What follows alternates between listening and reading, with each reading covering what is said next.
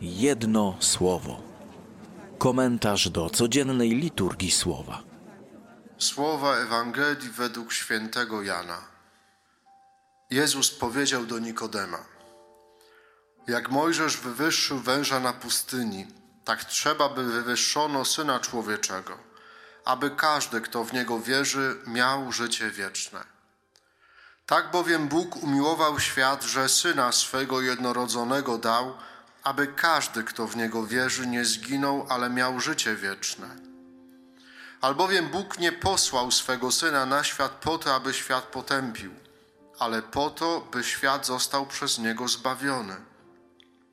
Kto wierzy w niego, nie podlega potępieniu, a kto nie wierzy, już został potępiony, bo nie uwierzył w imię jednorodzonego syna Bożego.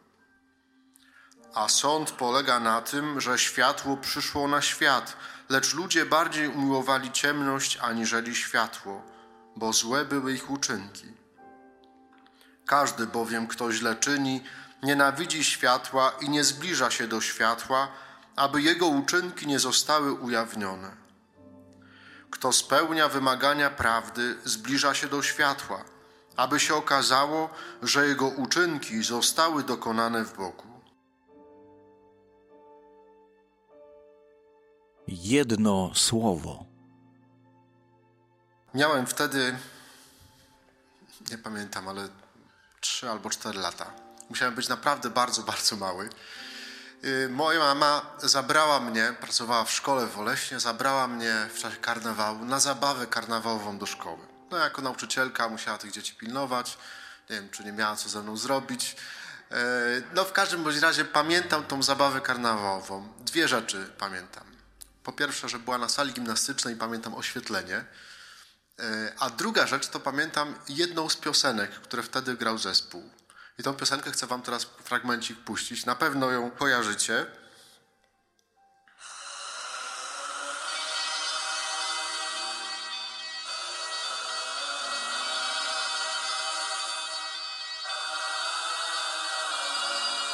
Jaka to melodia? Bodej M nad rzekami Babilonu, by the rivers of Babylon. Wielki hicior lat 70. i 80. Dlaczego zaczynam od tej, od tej piosenki, od tego hitu Bonej M? Dlatego, że to jest dzisiejszy psalm. Tekst tego hitu to jest tekst psalmu 137, który dzisiaj liturgia słowa daje nam po pierwszym czytaniu. Co to za tekst? Co takiego szczególnego jest w tym psalmie? To jest pieśń narodu wybranego, który przebywa na wygnaniu w niewoli babilońskiej. Oni siedzą nad rzekami Babilonu i narzekają Panu Bogu, żalą się Panu Bogu, że tutaj na obczyźnie choć każą ich, ich prześladowcy, tych, ci, którzy ich uwięzili, każą im śpiewać radosne pieśni, to oni nie potrafią śpiewać. Dlatego, że tęsknią za swoją ziemią, za swoją ojczyzną, tęsknią za świątynią jerozolimską. To wszystko utracili. Jak niewolnik, który wszystko stracił, co miał. Wszystko, co najcenniejsze, zostało gdzieś daleko. Jak niewolnik może teraz śpiewać radosne pieśni? O tym jest ten dzisiejszy psalm. W jaki sposób naród wybrany dostał się do tego Babilonu? O tym dzisiaj w takim telegraficznym skrócie opowiada nam e, autor Księgi Kronik, dzisiejsze pierwsze czytanie. I co tam czytamy? Wszyscy naczelnicy Judy, kapłani i lud mnożyli nieprawości, naśladując wszelkie obrzydliwości narodów pogańskich i bezczeszcząc świątynię szydzili z Bożych wysłanników, lekceważyli ich słowa i wyśmiewali się z jego proroków. Taka była przyczyna niewoli babilońskiej. Ta niewola polityczna, w której oni teraz byli, to był skutek, po prostu skutek ich grzechów. Tego, że to, w co najświętsze, zapomnieli, odwrócili się od tego, od Bożych przykazań. I co więcej, gdy Pan Bóg posyłał do nich proroków, żeby ich nawrócili, oni ich nie słuchali. Cała historia proroka Jeremiasza, tragiczna historia, ostatniego proroka przed wygnaniem. Nie słuchali ich, nie chcieli się nawrócić i dlatego popadli w niewolę. Kiedy czytam to dzisiejsze pierwsze czytanie, to mam wrażenie, że ten opis stanu moralnego Żydów z tamtych czasów przed niewolą babilońską nic nie stracił na aktualności. Jest także opisem, doskonałym opisem naszych czasów. Przecież jak się dobrze przypatrzeć, na pęczki mamy dzisiaj informacji o ludziach nadużywających swojej władzy. Dostajemy co chwilę jakąś wiadomość o aferze sprzed lat na różnych stopniach władzy, zamiatanej przez, e, przez tych, którym na tym zależało, zamiatanych e, pod dywan. Słyszymy o ohydnych grzechach niektórych kapłanów. To wszystko już było. O tym mówi Księga Kronik. A ludzi pogrążonych w nałogach, grzechach, słuchających wyłącznie samych siebie, zarozumiałych, nie dających sobie nic powiedzieć, no bo jak ktoś mi będzie mówił, jak ja mam żyć, to takich ludzi spotykamy każdego dnia. Niektórzy pierwsze spotkanie każdego dnia z takim człowiekiem mają wtedy, gdy idą do łazienki, patrzą w lustro. Mało takich ludzi dzisiaj? To są, to jest, pokazuje nam, jak Słowo Boże jest aktualne. Bo my jesteśmy tym narodem wybranym i my jesteśmy tymi grzesznikami. Ten psalm nad rzekami Babilon to jest nasza pieśń. Wielu z nas jest ludźmi pogrążonymi w niewoli, w różnych nałogach, zniewoleniach, z których może i próbują się bezskutecznie wyrwać, ale czują się właśnie jak ci zniewoleni Izraelici nad rzekami Babilonu. Jak można radosną pieśń śpiewać wtedy, gdy moje życie tak naprawdę jest jedną wielką niewolą? Gdy choć się staram, by wyzwolić z jakichś uzależnień, z niewoleń, to po prostu nie potrafię. Jestem wobec nich właściwie bezradny.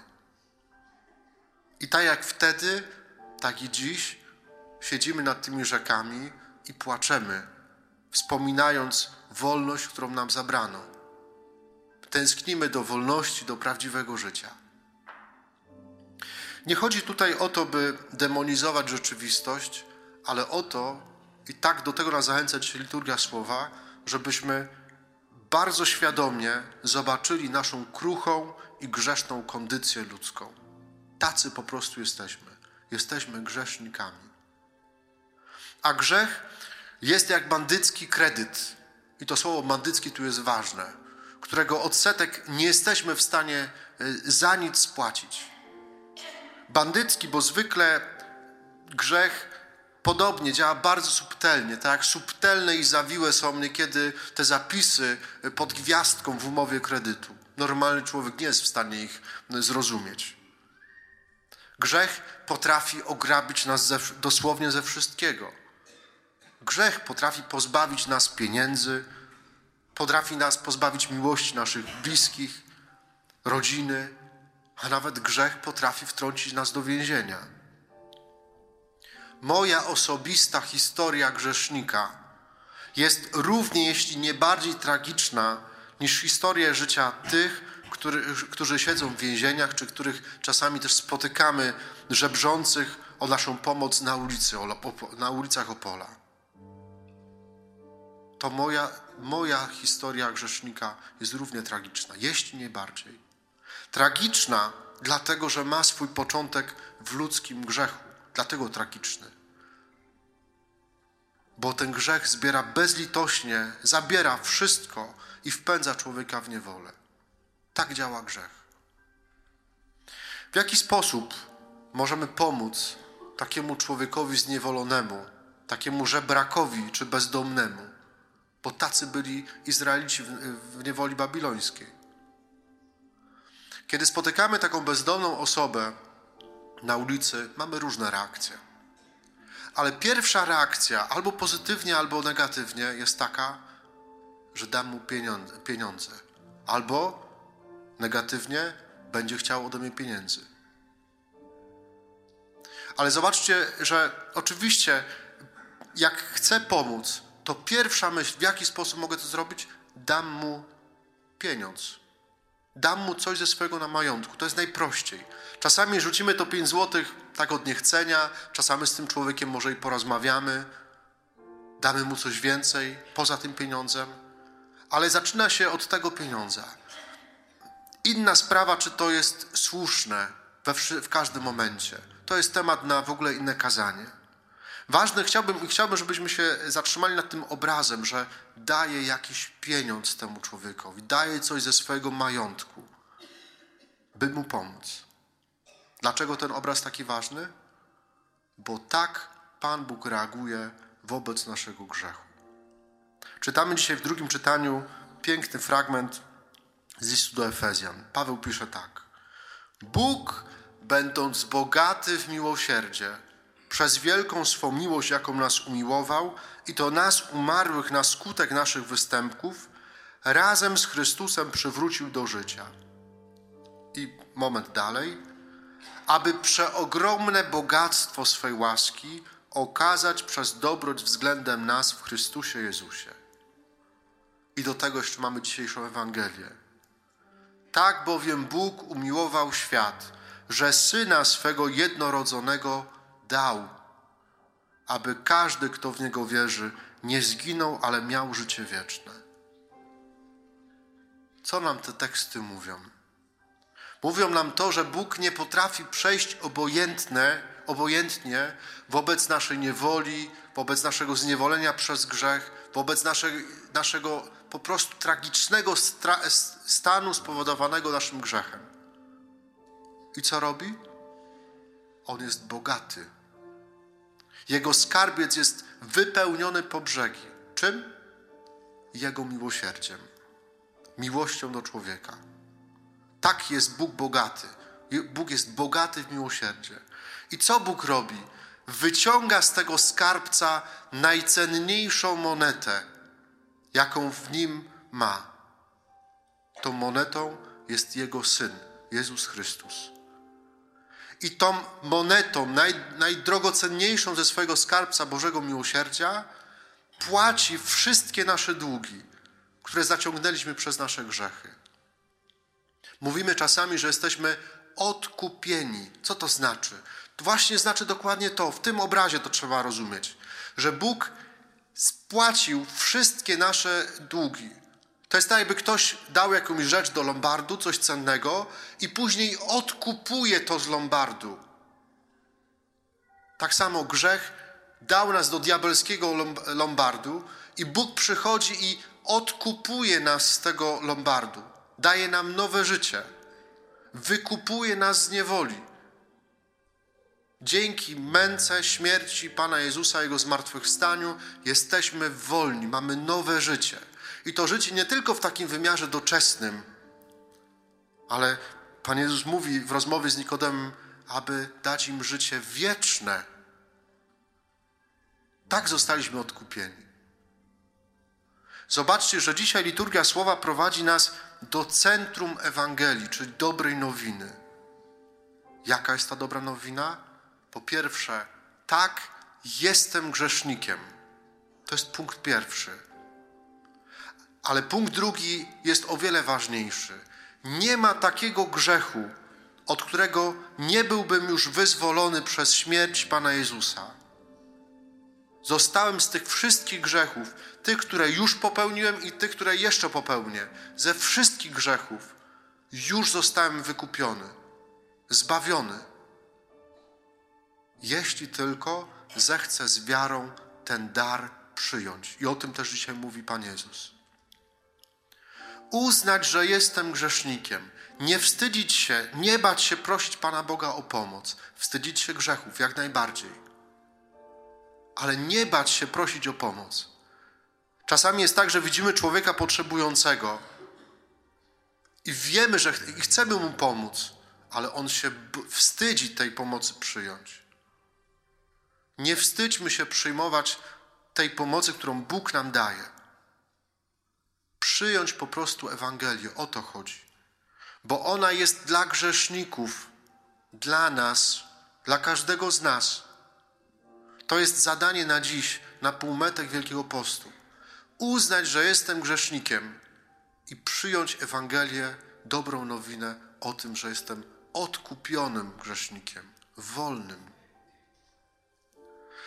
Za kilka dni, za chwilę staniemy w kolejkach do konfesjonałów przed świętami, by wyznać nasze grzechy.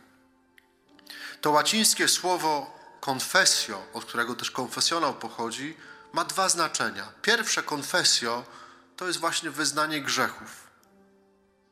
Ale jednocześnie confessio oznacza wyznanie wiary. Kiedy będziemy, do tego nas zachęca Kościół, że gdy będziemy wyznawać nasze grzechy, to żebyśmy świadomie, jednocześnie wyznali wtedy tę prawdę, że ten grzech nie ma ostatniego zdania w moim życiu. Że Bóg jest mocniejszy od moich grzechów, że zostałem od tych grzechów wykupiony i dlatego to ja przynoszę te grzechy. To ja nad nimi Bożą mocą przynoszę i się z nich spowiadam. Wyznajemy, że w tej rozgrywce między diabłem a Panem Bogiem, między Bogiem a diabłem, tej rozgrywce o człowieka, to Bóg ma ostatnie słowo. Ewangelia jest dla grzeszników, czyli dla nas.